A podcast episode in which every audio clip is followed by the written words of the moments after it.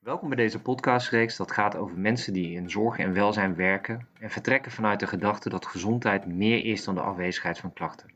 Ik ben Stefan Ermsen, 45 jaar en nu ondertussen ruim 20 jaar werkzaam in de zorg. Wat ik zo mooi vind, is dat het concept van positieve gezondheid heel mooi aansluit op mijn Afrikaanse roots. Ubuntu. Zonder jou ben ik niet. Het verbonden zijn aan elkaar heeft invloed op onze gezondheid. En zonder deze verbinding kan er ook geen kennis gedeeld worden. En vandaag spreek ik Anna Bruns. Anna werkte in het verleden als manager, coach en supervisor in de eerste lijn. En zij brengt nu haar ervaring over naar praktijkondersteuners, huisartsen en andere professionals in de eerste lijn. Wat ik zo leuk vind aan Anna is, is dat zij een enorm hoge eisen stelt aan goede zorg. Maar tegelijkertijd bereikt ze dat juist door te geloven in het potentieel wat er zit bij verpleegkundigen. Ze ziet dus niet veel mensen als onbewust onbekwaam, maar eerder onbewust bekwaam. Welkom Anna. Fijn dat je, dat je met mij dit gesprek wil hebben. Ehm, wij kennen elkaar al een, een tijdje en eh, ik zou het wel fijn vinden als je eerst eens je misschien jezelf wil voorstellen aan, uh, aan de luisteraars. Ja. ja, mijn naam is Anna Bruns en uh, ja, ik ken jou, Stefan, via ja, je, de landelijke organisatie waar je voor werkte en waarin je de VEA gesteund hebt in het uh, gepersonaliseerde werken. Uh, persoonsgerichte zorg noemden we het in die tijd. En ja, ik vind het erg leuk om mee te doen aan deze podcast. Ja, en wie ben ik? Ik ben um, daar aan die zorggroep verbonden geweest, moet ik zeggen. Ik ben sinds kort zelfstandige als coöperatiemanager, maar ook als coach on the job daarvoor heb ik jarenlang als verpleegkundige gewerkt. En ik merkte heel snel dat ik enorm veel uh, plezier haalde uit het begeleiden van mensen. En ik ben op zoek gegaan naar een opleiding die daarbij past. En ik heb in 2004 de supervisorenopleiding gedaan, uh, de VO, supervisie en coaching om precies te zijn. Dat is een driejarige opleiding. En daarna ben ik uh, ja, met mijn eigen bureau gestart. Maar ik heb daarnaast altijd een aantal uren nog gewerkt in loondienstverband. Uh, en dat was bij een gasthouderbureau waar ik de bemiddeling regelde, maar waar ik ook uh, de gasthouders begeleide uh, op het gebied van jeugd en wat er allemaal bij komt kijken. Dus gaf ik al scholingen voor de gasthouders. ik ben in de kinderopvang manager geweest, vijf groepen begeleid, van 0 tot 4, maar ook van 4 tot 12. Buitenschoolse opvang en dagopvang. En toen heb ik de doorstart gemaakt weer naar de gezondheidszorg. Dus ik ben een aantal jaren uit de gezondheidszorg geweest. En toen kwam ik terug in de gezondheidszorg. Dat is nu negen jaar geleden bij de zorggroep. En ja, ik was helemaal verbaasd. Maar wat ik daar aantraf. Verbaasd over? Nou, men werkte zo volgens protocollen. En ik dacht van waar is die patiënt? Uh, het mist het contact, wat, wat er volgens mij niet altijd plaatsvond met de patiënt. Er was heel veel snelheid. Ik hoorde vooral indicatoren, indicatoren, indicatoren, die moeten we afvinken. Ik hoorde ook de moeite van de praktijkondersteuners mm -hmm. daarmee. Als we al avonden organiseren vanuit de zorggroep om dat te bespreken met elkaar, om daarvan te leren. We staken echt altijd wel positief in. En niet uh, als een controlemechanisme, maar echt wel om opbouwend verder te kunnen. Ja. Uh, en de cijfers weken wat af, was het altijd, uh, ja, maar die cijfers kloppen ook niet, want het instrument waarmee we werken, de ICT, is niet op orde. Ja, en dat snapte ik voor een deel ook wel, want de praktijkondersteuners werken voor de huisartsen. En het waren besprekingen met huisartsen en praktijkondersteuners. En men liep het gevoel op dat men het niet goed deed. Nou, dat, dat, soort dingen zag ik allemaal. En toen dacht ik al van, oh ja, dit is wel heel anders dan de laatste jaren dat ik in de zorg gewerkt heb. Want hoe was dat toen? Kan je mij daarin meenemen? Hoe was het die laatste jaren? Ja, dat was... Uh, we hadden toen geen computer. Dus uh, wat ik miste toen ik terugkwam, dat uh, men de patiënt aankeek. Dat was vanzelfsprekend. Ik werkte in die jaren als JGZ-verpleegkundige. Ja. Dus de ouders met hun kinderen kwamen voor consult bij mij uh, op het consultatiebureau. Nou, ik keek ze aan en ik had wel mijn uh, doelstellingen in dat gesprek. Maar ik opende het gesprek altijd. Maar goh, wat brengt jou hier? En waar wil je het met mij over hebben? Waar maak je je zorgen over? Of wat vind je juist goed gaan? Maar wat wil je met mij delen? Nou, en daar begonnen we. En als dat te breed was, dan kon ik in die tijd nog een huisbezoek aanbieden. Om eens wat meer tijd te nemen voor moeder en kind. En dan kon ik ook mijn eigen dingen doen, zoals een vaccinatie of eens naar de voeding vragen. Dat kwam wel rond in het consult. Het contact was, uh, was, was, uh, ja, was, was makkelijk en uh, er was ook contact met ouders en kinderen. We hadden wat meer contactmomenten. Ehm, dat is ook een, trouwens een van de redenen geweest dat ik gezegd heb: ik ga wat anders doen. Omdat in 1997, ik weet nog exact, de protocollen kwamen en we alles exact langs moesten. Want ik maakte altijd vanuit mijn deskundigheid een keuze. Ik kijk wat, wat belangrijk is in dit moment met deze moeder met kind of vader met kind. En dan gaan we samen op pad om te kijken wat je, waar je nu mee geholpen bent. En vanuit mijn deskundigheid besloot ik, dit moet nog gebeuren en dat kan wel even wachten. En dat was een heerlijke manier van werken. Ik vond het fantastisch werk. Ik voelde me ook echt een professional kan je misschien nog terughalen van wat was nou de reden dat, uh, vaak zo'n verandering komt natuurlijk niet uit het niets. Hè? Heb, je, heb je mhm. een beeld bij gekregen toen de tijd van waarom vonden mensen of die organisatie dat het belangrijk was om uh, naar die protocol toe te gaan? Wat, wat verwachten zij dat er zou verbeteren? Is dat ooit besproken met jullie? Of, uh, dat was een gemis dat het niet heel erg uitgebreid besproken is, maar ik kon er wel wat bij uh, bedenken. Uh, de inhoud van de consulten waren heel erg divers. En men vond dat het kwaliteit was als je allemaal ja, aan bepaalde modellen, uh, inhoud in het consult voldeed. Dus men wilde daar wat strakker op sturen. Dus eigenlijk en, begrijp ik heel goed dat, dat zij dachten dat uniformiteit, hè, dus als je uniformer bent, dat je dan dat je dan betere kwaliteit kan leveren, dat dat het gedachte was in die tijdsgevricht?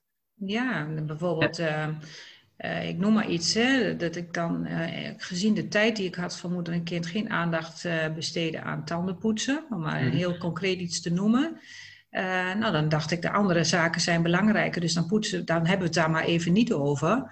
Ja. maar men wilde toch dat er elk consult aandacht aan besteed werd, omdat die tandhygiëne van die kinderen omhoog moest. Uh, er waren nog te veel uh, jonge kinderen met karies en dat had allerlei oorzaken. Dus men vond dat, dat was een aandachtspunt. En ik was het daar ook mee eens hoor. Ja. Alleen al die aandachtspunten die op papier werden gezet, dus het protocol, was niet meer haalbaar in 10 minuten. Nee. En in plaats van dat, ook collega's in die tijd, we, er waren collega's die daar dat wel probeerden neer te zetten, want dan moeten we immers doen ja. was ik wel wat eigenwijs en dacht ik van nou, ik vind het toch belangrijk om te kijken wat, wat moet hier gebeuren en wat wil die ouder van mij? Ja. Nou, en, en dat is eigenlijk exact wat we in de laatste jaren in de persoonsgerichte zorg, bij de zorggroep hebben uitgedragen. Ja. Dus ik had er echt wel heel veel herkenning in, in eerste instantie wat ik miste. En ja. ook de kansen die we kregen om het weer opnieuw aan te bieden. Dat was erg mooi. Uh, vond ik heel mooi. Ik was meteen enthousiast. Dus je kwam terug en toen dacht je eigenlijk van, nou, dit is nu wat geworden is van dat protocolair werken. En fijn dat er nu een andere wind waait en dat er dus gekeken kan worden hoe dat anders kan. Ja. En uh, weet je, je hebt ook dus een uitstapje, of uitstapje gehad ook richting uh, gastgezinnen. Hè, dus, je, dus ik hoorde een, een, ook een rode draad van complexe, niet makkelijk uh, op, zeg maar, protocolair ook te, te hanteren. Hebben dat soort ervaringen? Kan je er wat over delen? Heeft dat ook gevormd hoe jij kijkt naar wat belangrijk is in jouw rol als, als hulpverlener, zorgverlener richting een, een persoon? Ja, ja dat is. Um, ja, dat bepaalt wel je manier van kijken. Je, je, je hebt niet alleen de patiënt in de spreekkamer bij de praktijkondersteuner, maar de patiënt is onderdeel van een systeem. En er is vaak veel meer aan de hand in dat systeem wat van invloed is op de ziekte. En dat heb ik uh, ja, telkens weer gezien. Daar waar ik ook aan het werk was. Ook in de, in de opvang van de kinderen, van de kwetsbare kinderen. Uh, het kind zit in een systeem, maar het systeem heeft meerdere problemen vaak. Nou, waar steek je nou op in? Je kan daar als professional wat van vinden, waar je op insteekt. Maar het belangrijke is nog om dat samen te doen met de ouders. Dus het brede kijken en niet kijken uh, vanuit ja, uh, kokers of protocollen. En nogmaals, ik ben echt niet tegen protocollen. Het kan heel handig zijn. Zeker als je net begint, als je een beginnende professional bent. Ik heb ze zelf ook uh, op mijn papiertje had ik aandachtspunten staan als ik een huisbezoek bracht. Dan dacht ik van, wat moet ik ook allemaal alweer doen? Maar op een of andere manier werd ik verleid altijd om ook wat te doen met wat ik zag in die huisbezoeken.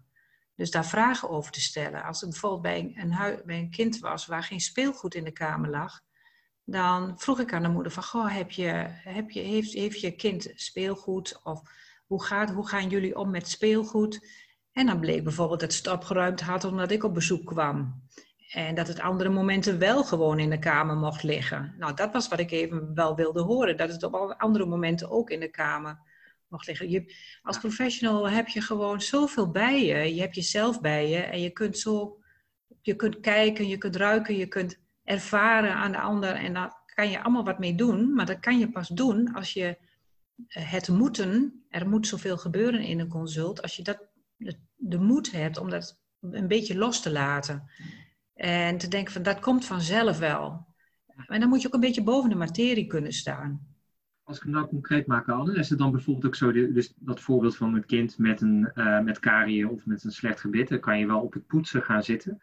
Maar misschien spelen er wel hele andere dingen binnen dat gezin, waardoor uh, dit ontstaan is. Uh, misschien wel gewoon ook, ik kan me ook voorstellen dat taal misschien een probleem kan zijn in sommige gezinnen en, en überhaupt voeding. Dus dan kan je wel aandacht op het, het op het poetsen uh, uh, focussen. Maar als mensen alleen maar ongezond eten eten met veel suikers erin, dan, ja, wat ben je dan aan het doen? Dus dat, dat brede blik, gebruikte jij dan op, op zo'n moment, en probeer je nu bij de praktijkondersteuners een beetje in te brengen, ga op zoek naar wat hier echt speelt. Is dat hem ook? Ja, exact. Ja, wat, is, eh, wat, wat maakt dat de ouder dat niet heeft? Of, ja. uh, kijk, de praktijkondersteunen met chronische patiënten, die hebben hele moeilijke patiënten waarvan ze aangeven, daar valt geen eer aan te behalen. Ja. Uh, ze, ze komen hier wel een bloeddruk doen of even wegen en dan als ik wat voorlichting wil geven, dan geven ze niet thuis. Ja. Of wat ook gebeurt, en dat heb ik zelf ook gezien in de begeleiding bij de gesprekken, uh, de patiënt is heel erg uh, aardig en luistert, maar luistert niet echt. Het, hij laat het, of zij laat het langs zich heen waaien. Uh, en dat kun je zien aan de ander. Hè? En dat ja. gaat dan om contact. Dus ja. de, een van mijn boodschappen in mijn begeleidingen was ook: kijk of je contact hebt met die ander. Um, soms kan het helpen dat je de ander op het gemak stelt, want soms zijn ze ook best wel een beetje zenuwachtig. jij bent de professional. Door iets van jezelf te delen, een kleinigheidje of ja, uh, iets, iets over het weer buiten of over de, de reis die de patiënt heeft moeten maken naar de praktijk. In ieder geval dat je eerst contact maakt en dan aan het werk gaat. In plaats van dat je je protocol gelijk volgt. En er zijn er wel die dat wel van nature al doen. Ja. En er zijn er die heel erg graag dat protocol volgen. Ik heb ook uh, intervisiebegeleiding geboden mm -hmm. aan praktijkondersteuners. Ja. Nou, daar had, had, ik alle bij uh, smaken had ik erbij zitten, zeg maar. Ja. Mensen die gruwden van het protocol en het ontzettend saaie werk begonnen te vinden. Ja. En uh, praktijkondersteuners die dat juist heerlijk vonden, dat ze wisten wat ze moesten doen. Ja. ja, en waar we graag naartoe willen is dat die patiënt wat meer aan de hand genomen wordt. En niet door voor te schrijven, maar door ja, te achterhalen wat de patiënt beweegt, waarom die iets wel of niet doet. Ja. En de patiënt zal dat delen met jou als je contact hebt. Ja, precies. Dus die contact is misschien zelfs wel belangrijker, hoor ik jou zeggen, dan het wel of niet protocolair werken. Ja. Want ik, weet, ik, ik herken het ook, hè, dat ik wel eens praktijkondersteuners zie die hartstikke protocolair bezig zijn, maar wel ook echt achterkomen wat er bij die patiënt zit. Ja. Dat probeer ik wel eens aan managers uit te leggen. Dus pas op dat je tegen iedereen zegt van het moet gaan om dat andere gesprek. En dat, dat hoeft niet zo te zijn. Nee. Ga eerst eens kijken bij die praktijkondersteuner of die daadwerkelijk achterkomt van wat, dus is die contact er, hoor ik jou ook zeggen, dat is nog veel belangrijker. En hoe je dat dan doet, doe dat op een manier wat bij je past. Want dat is denk ik ook wel een beetje, het, als, als er stress zit, hè, stel we gaan al die praktijkondersteuners die die protocol prettig vinden, nu allemaal van die protocol afhelpen, ja, verwacht ik ook dat zij ook ongerust zullen zijn in dat gesprek. Want dat gesprek kan alle kanten op en dat vinden ze niet prettig. Ze houden van structuur. Dus die onrust maakt dat ze contact verliezen. En die persoon die niet van die protocol houdt, die komt niet in contact omdat die stress heeft of heb ik alles wel behandeld. Uh, en, Precies, ja. En, Dus het gaat veel meer om die contact centraal stellen. Ja, ja. Ja, dat is waar. En vanuit contact kan je verder met elkaar aan het werk gaan. Ehm, en het protocol is ook zeker heel handig, want mm dan, dan, ja, dat is, dat is inzichtgevend. Um, exact wat jij schetst, dat maakte ik ook mee. Dat uh, de deelnemers aan het project, mhm. die waren getraind. En dan moesten ze het uitvoeren in de praktijk. Ja. En dan ging het mis. Want het is toch nieuw gedrag. En nieuw gedrag uh, neerzetten, ja, dat vraagt best wat van iemand.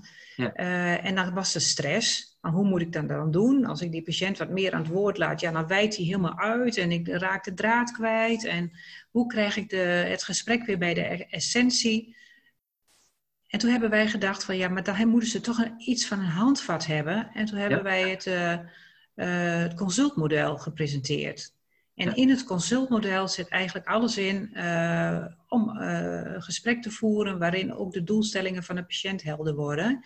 Alleen je moet wel weer, dat is ook weer een model, dan moet je ook wel weer mee leren spelen. En niet strak volgen, maar weer goed kijken wat er gebeurt aan de andere kant van de tafel.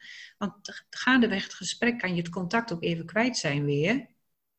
Dan is het kwestie om weer terug te gaan en weer contact te maken. En dat kan door een enkele zin, zei ik vaak. Bijvoorbeeld door te zeggen, hoe is het nou uh, met u? Uh, uh, gaat het nog? Of is het veel wat ik vertel? Ja. vindt u het goed dat ik nog iets vertel? Of zal ik dat bewaren voor de volgende keer? Weet je, allemaal dat soort zinnen. kan het contact weer herstellen. en, en ja, dat gaf dan ook wel weer houvast. daar deden we videotraining en dan werden die video's besproken ja, dat, de moed ook hebben om af en toe een stilte in te lassen, was ook lastig. Uh, men is zo gedreven en zit bij wijze van spreken graag op het puntje van de stoel. En is zelf heel hard aan het werk. Maar ja, ga maar, ik zei wel eens, ga maar eens achter in de stoel zitten. En uh, wacht maar eens even af wat er gebeurt dan. Dan zul je zien, dan komt die patiënt altijd in beweging. Ja. En dat bevestigd, werd ook later dan bevestigd. Toen ik afscheid nam, bij de zorggroep en voor mezelf ging, was er nog een praktijkondersteuner. Die zei, ah, Anna, ik heb echt van jou geleerd dat ik vaker stil moet zijn. Ja. En dat vond ik zo fantastisch. Ja. Want dat, dat is ook op het moment dat je zelf de tijd vult, komt die patiënt niet in beweging. En als het veel te veel is, dan haakt hij zelfs af. Ja, En ik denk, dus, en daarbij, ik weet niet of je dat ook herkent, hè, dus doordat je stil bent, geef je ook ruimte aan je eigen creativiteit. Hè? Want doordat die ander bezig is, kan je ook voor jezelf eens gewoon eens goed luisteren. En ook voor jezelf toetsen van, goh, dat was mijn gedachte hierbij. Oh, wacht even, hij of zij kijkt er toch anders tegenaan. Dit had ik niet verwacht. Ja. Oké, ja, precies. Dit herken ik. Dus dat, dit, dit past in het plaatje wat, uh, wat, wat ik had. Hè? Dus het geeft je ook veel meer um, ruimte om creatief te zijn. In plaats van wanneer je die stilte altijd vult met, uh, met, met, met ideeën. Ja, precies. Dus de tijd werd heel erg gevuld, uh, merkte ik in het begin van mijn coaching uh, in de eerste lijn, met het geven van adviezen.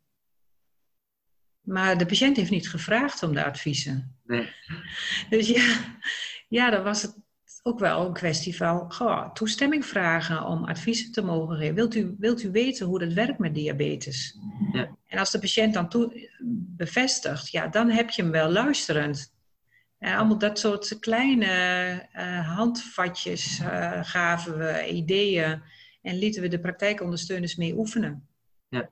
En dat kwam wel op gang dan. En men raakte ook enthousiast, want geen consult was meer hetzelfde. Ja. Dus er werd ook een beroep op jou gedaan als professional. Wat men over het algemeen toch leuker vindt dan een soort interview te doen. Ja, precies. Of het doen omdat eh, de dokter het zegt, hè? Of, uh, of omdat het, uh, mensen denken dat het van ze verwacht wordt. Hè? Dus dan is het toch ook niet wat die persoon zelf wil. De praktijken die mee hebben gedaan, zijn dit praktijken die van tevoren al gemotiveerd waren? Of zijn het gewoon praktijken die geselecteerd zijn? Kan je wat daarover vertellen, over hoe jullie dat gedaan hebben?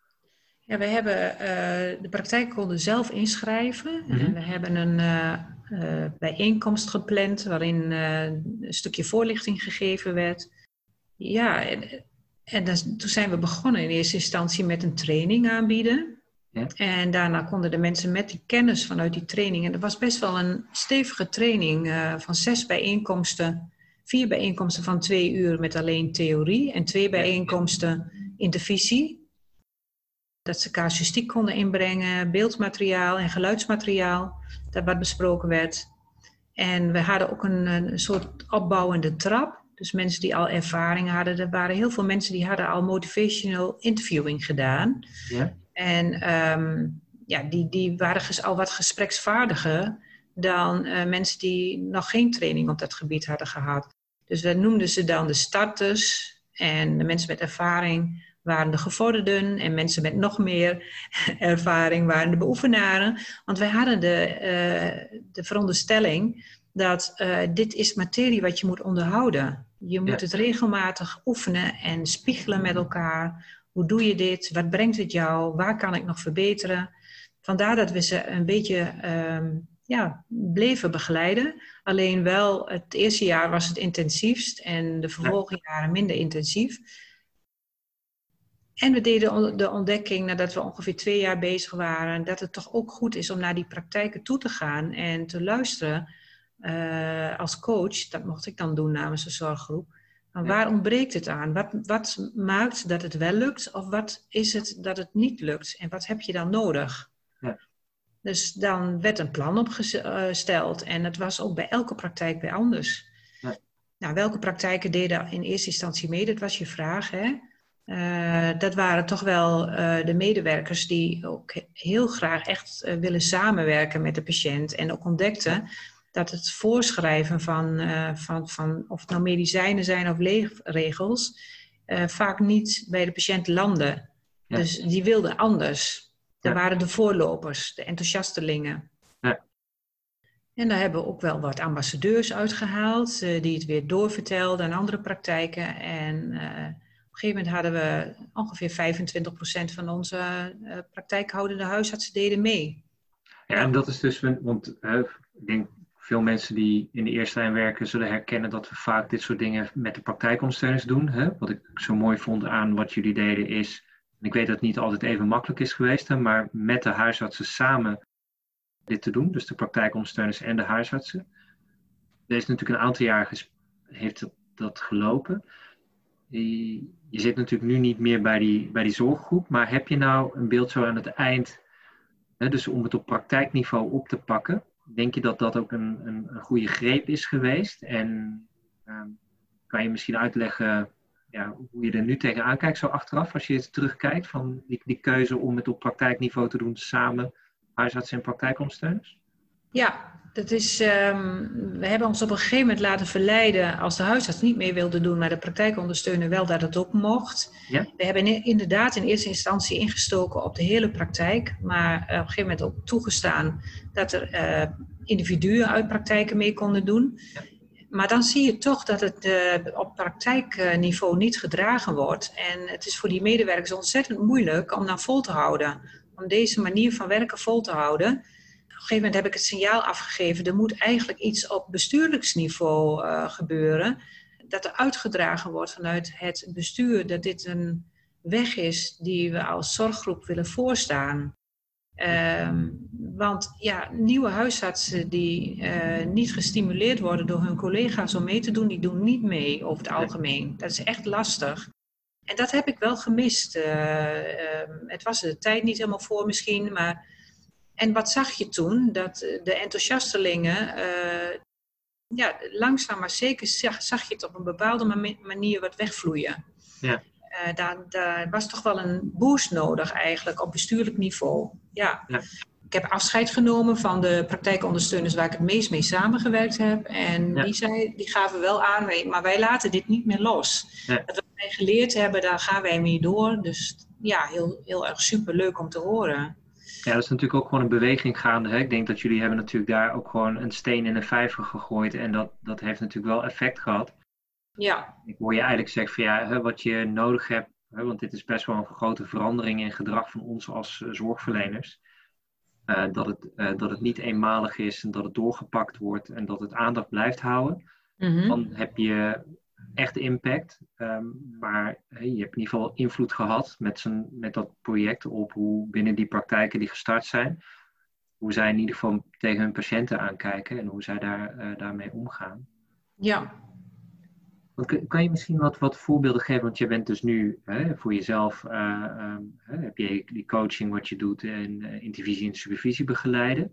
Ja. Um, wat, wat vind jij daar belangrijk bij als tips? Hè? Stel dat, dat mensen, de zorgverleners zeggen, ja weet je, wij vinden het belangrijk om te leren van elkaar. Wat, wat, wat mhm. zijn dingen die jij ze meegeeft? Of wat, jij, wat je denkt, ja, door de jaren ja. ervaring hebt meegekregen?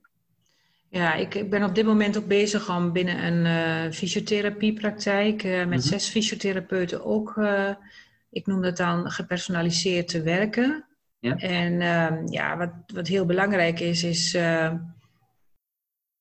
het contact maken. Dat is iets wat iedere keer terugkomt in mijn trainingen. Het goed luisteren. Uh, ook al is dat soms heel lastig, mm want heb je het gevoel dat je met de tijd worstelt.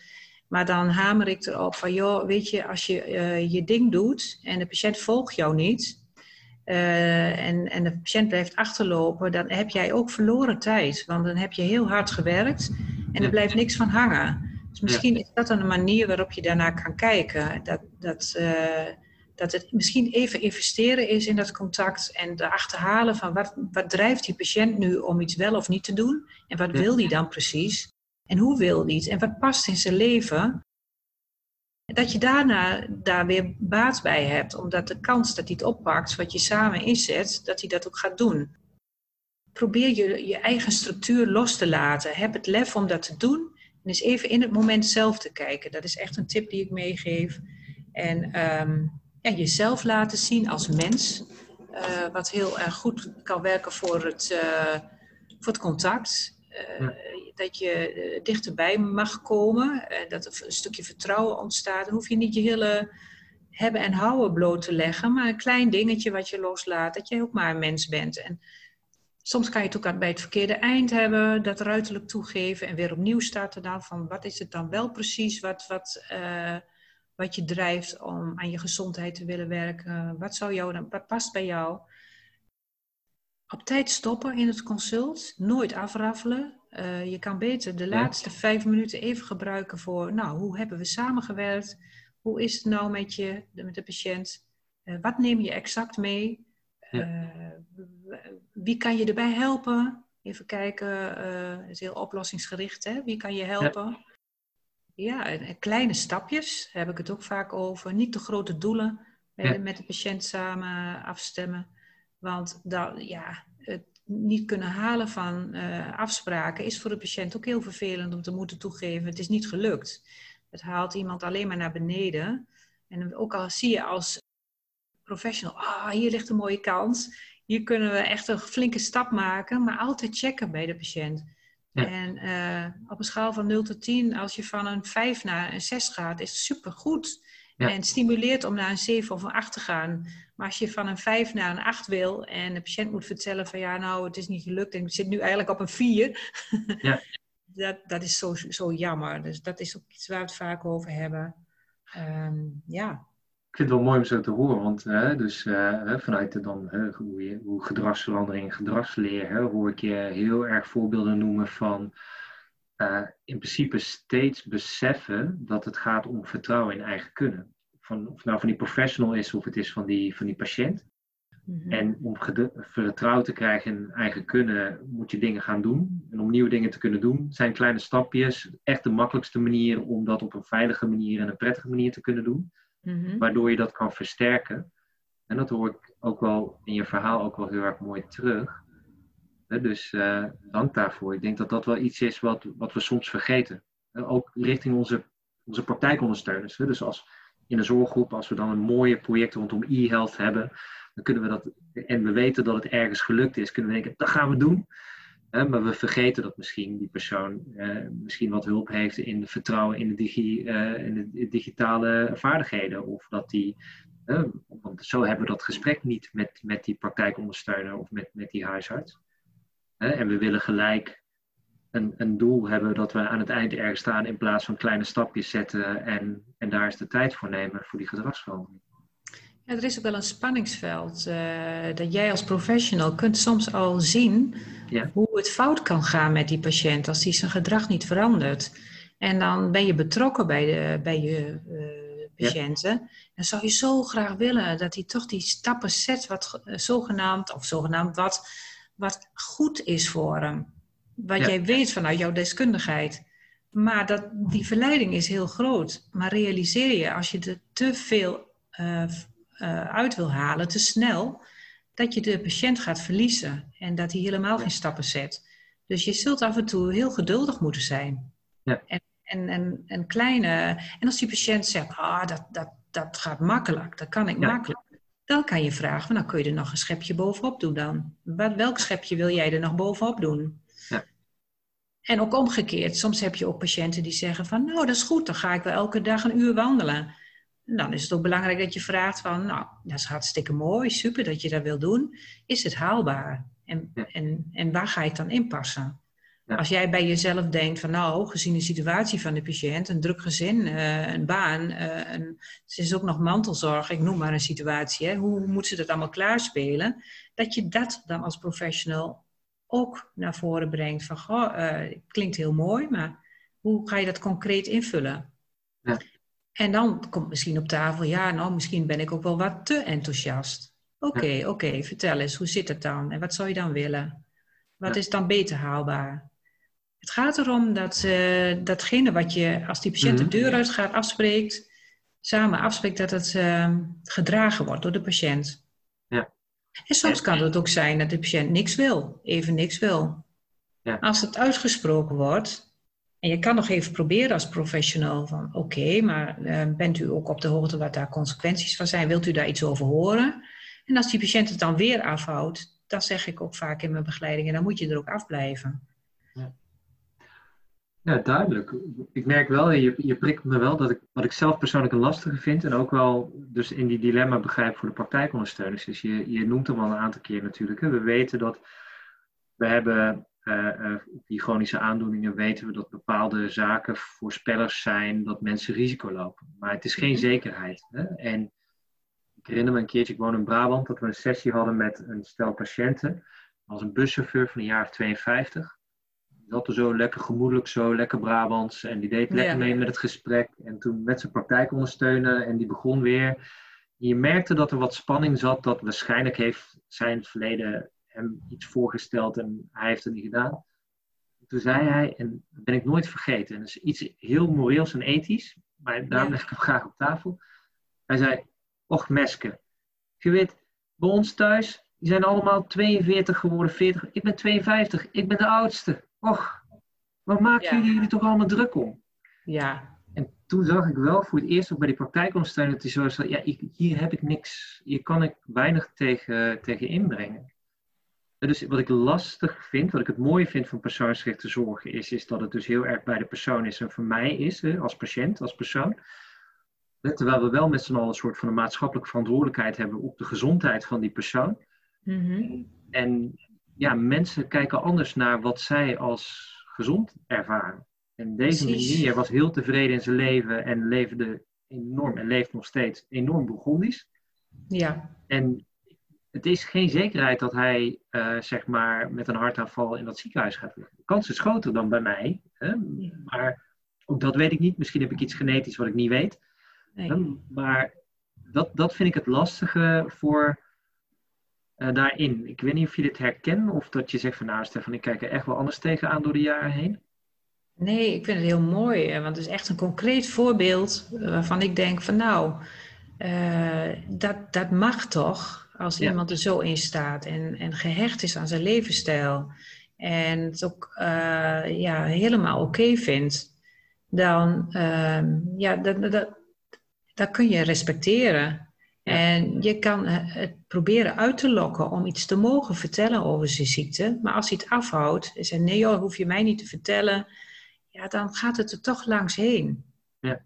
Maar ik kan me wel voorstellen dat je, als je, uh, jouw passie is om mensen naar, naar, een betere gezondheid te brengen, dat het heel frustrerend is. En dat je daar ook best last van kan hebben. Maar ja, je hebt te dealen met de middelen die je hebt en met de mensen die je hebt. En ieder mens is anders en ieder mens mag zelf weten en bepalen uh, hoe die in het leven staat. Ja. ja. ik vind het wel mooi hoe je het zegt. Want ik denk ook dat het, um, ik denk dat het waarschijnlijk veel praktijkondersteuners zou helpen als we op die manier ernaar kijken. Omdat ik me ook kan voorstellen als je het wat meer bekijkt vanuit goed of fout, dat dus dan het kan lijken alsof in dit geval die praktijkondersteuner het haar niet gelukt is om in, in zeg maar, wat is het, in die uh, 80 minuten dat ze, dat ze deze meneer per jaar ziet, hè, van alle, alle minuten. Dus ja. dat kan ze zichzelf niet kwalijk nemen, maar dat kan wel zo voelen. Ja. Ja, ik, nu ook over die tijd heb, ik zeg ook wel eens uh, van, goh joh, uh, de patiënt, je kan tekenen op een vlak, 100 ja. vlakjes, dat is dan de hele de tijd van de patiënt, alle tijd wat hij heeft. Ja. Van die 100 vlakjes is, is die maar één vlakje bij jou. Ja. Die 99 vlakjes die tijd moet hij zelf doorbrengen en zelf gemotiveerd blijven om datgene wat hij met jou afspreekt ook vol te houden. Dat is een enorme klus. En als je dan ook nog een afspraak hebt die eigenlijk niet bij jou past, de patiënt dus, ja. dat is haast niet vol te houden. En als ik het zo schets, dan, dan wordt er ook vaak geknikt van ja, dat is ook eigenlijk zo, Anna. Dat, dat, dat, ja, had ik nooit zo bij stilgestaan. Maar onze invloedbare tijd is gewoon heel kort. Kort, hè? Ja, precies. Ja. Ja. Anders, misschien is dat, moeten we dat ons, als organisaties wat meer aanrekenen. Dan moeten we ook niet die praktijkondersteuners het gevoel geven dat ze verantwoordelijk zijn voor de gezondheid van die patiënten. Dus ze zijn verantwoordelijk om in, die, die, in dat ene vlakje wat ze hebben, de, dingen te doen uh, uh, dat uh, in ieder geval die persoon verder helpt om inzicht te krijgen in goh, wat is er met mij in de hand en wat kan ik. Ja. en, en daar mogelijk om hulp te vragen of, of niet. ja. En dat is het misschien ook wel. Ja, ik denk het wel. Ik denk het wel. En dat, maar dat, uh, ja, dat, dat is zo. En als jij uh, als professional je technieken kent mm-hmm. en je rust kent en je protocollen kent, dan mag je er ook op vertrouwen dat je doet wat je kunt doen. Ja, precies. Nou, een enorm leuk gesprek. En ik, maar ik ben wel heel erg benieuwd hè, naar, naar de toekomst. Hoe jij die ziet hè, voor jezelf. En je bent aan die, uh, aan die uitdaging begonnen net, echt heel recent. Mm Als ik jou nou vraag van, goh, hè, over vijf jaar kijk jij eens terug, uh, kijk je weer eens terug uh, op wat je, de, de, volgende stap die je hebt gezet. Mm wat, hoe, ziet, hoe ziet dat er dan uit? Waar, waar, waar ben je enorm blij van geworden dat dat jou gelukt is, of dat gelukt is, zeg maar, om jou heen? Is dat iets wat je kan benoemen? Ja, dat is toch wel dat mensen de professional in, in hun kracht kan staan. En in, in, in een samenwerking met de cliënt of patiënt, waarin contact, uh, het goede contact centraal heeft gestaan. Ja. Dus, uh, dus, en daardoor de samenwerking ook kon slagen. Als dat gelukt is, als er meer professionals zijn die daarop vertrouwen dat ze dat kunnen. Ja. En ik denk dat er heel veel echt goed kunnen hoor. En ook heel veel, ja, ik zeg wel eens, eh, ze zijn onbewust bekwaam. Ja. Uh, en soms ook onbewust onbekwaam, maar ook onbewust bekwaam. Dat ze heel veel in huis hebben. Ja. Uh, ja, dat, dat, en, en zich daar bewust van zijn dat, dat, het, dat je goed bezig bent. Ja, dat maakt me blij. En daar ja. een stukje ondersteuning in uh, kunnen bieden. Kunnen trainen op dat gebied. Nou, videotraining is zo'n fantastisch middel. Ja. Uh, dat, gaan we heel open aan samen. Dat is klein, ook kleine stapjes maken we daar. Uh, dat iemand ook groeit in zijn zelfvertrouwen om uh, persoonsgericht te kunnen werken. Ja. En heel vaak hoef ik niks te zeggen als ik ze begeleid. Want als de video bekeken wordt, zien ze het zelf al. Of ze hebben het al bekeken voordat we het gaan bespreken. En, en komen zelf met allerlei mooie ideeën om het anders te doen. Ja. En um, ik zeg ook altijd, goh joh... Um, uh, val jezelf niet zwaar, maar wees vergevingsgezind. Je, je zit in een leermodel en ja, is het vandaag niet gelukt, misschien morgen wel. Ja, maar als je het uh, voornemen hebt, ben je op, ja, dat zou mooi zijn. Als ik over vijf jaar kan zeggen, er zijn meer professionals in Twente en Overijssel wellicht, die het voornemen hebben om vanuit een goede samenwerking met die patiënt te kijken wat hij nodig heeft. En hem aan te kunnen zetten tot ja, tot gezondheidsgedrag. Benieuwd naar meer? Luister dan naar andere afleveringen uit deze reeks. Wil je graag in gesprek met mij over het onderwerp gezondheid? Neem dan contact met me op. Test, test.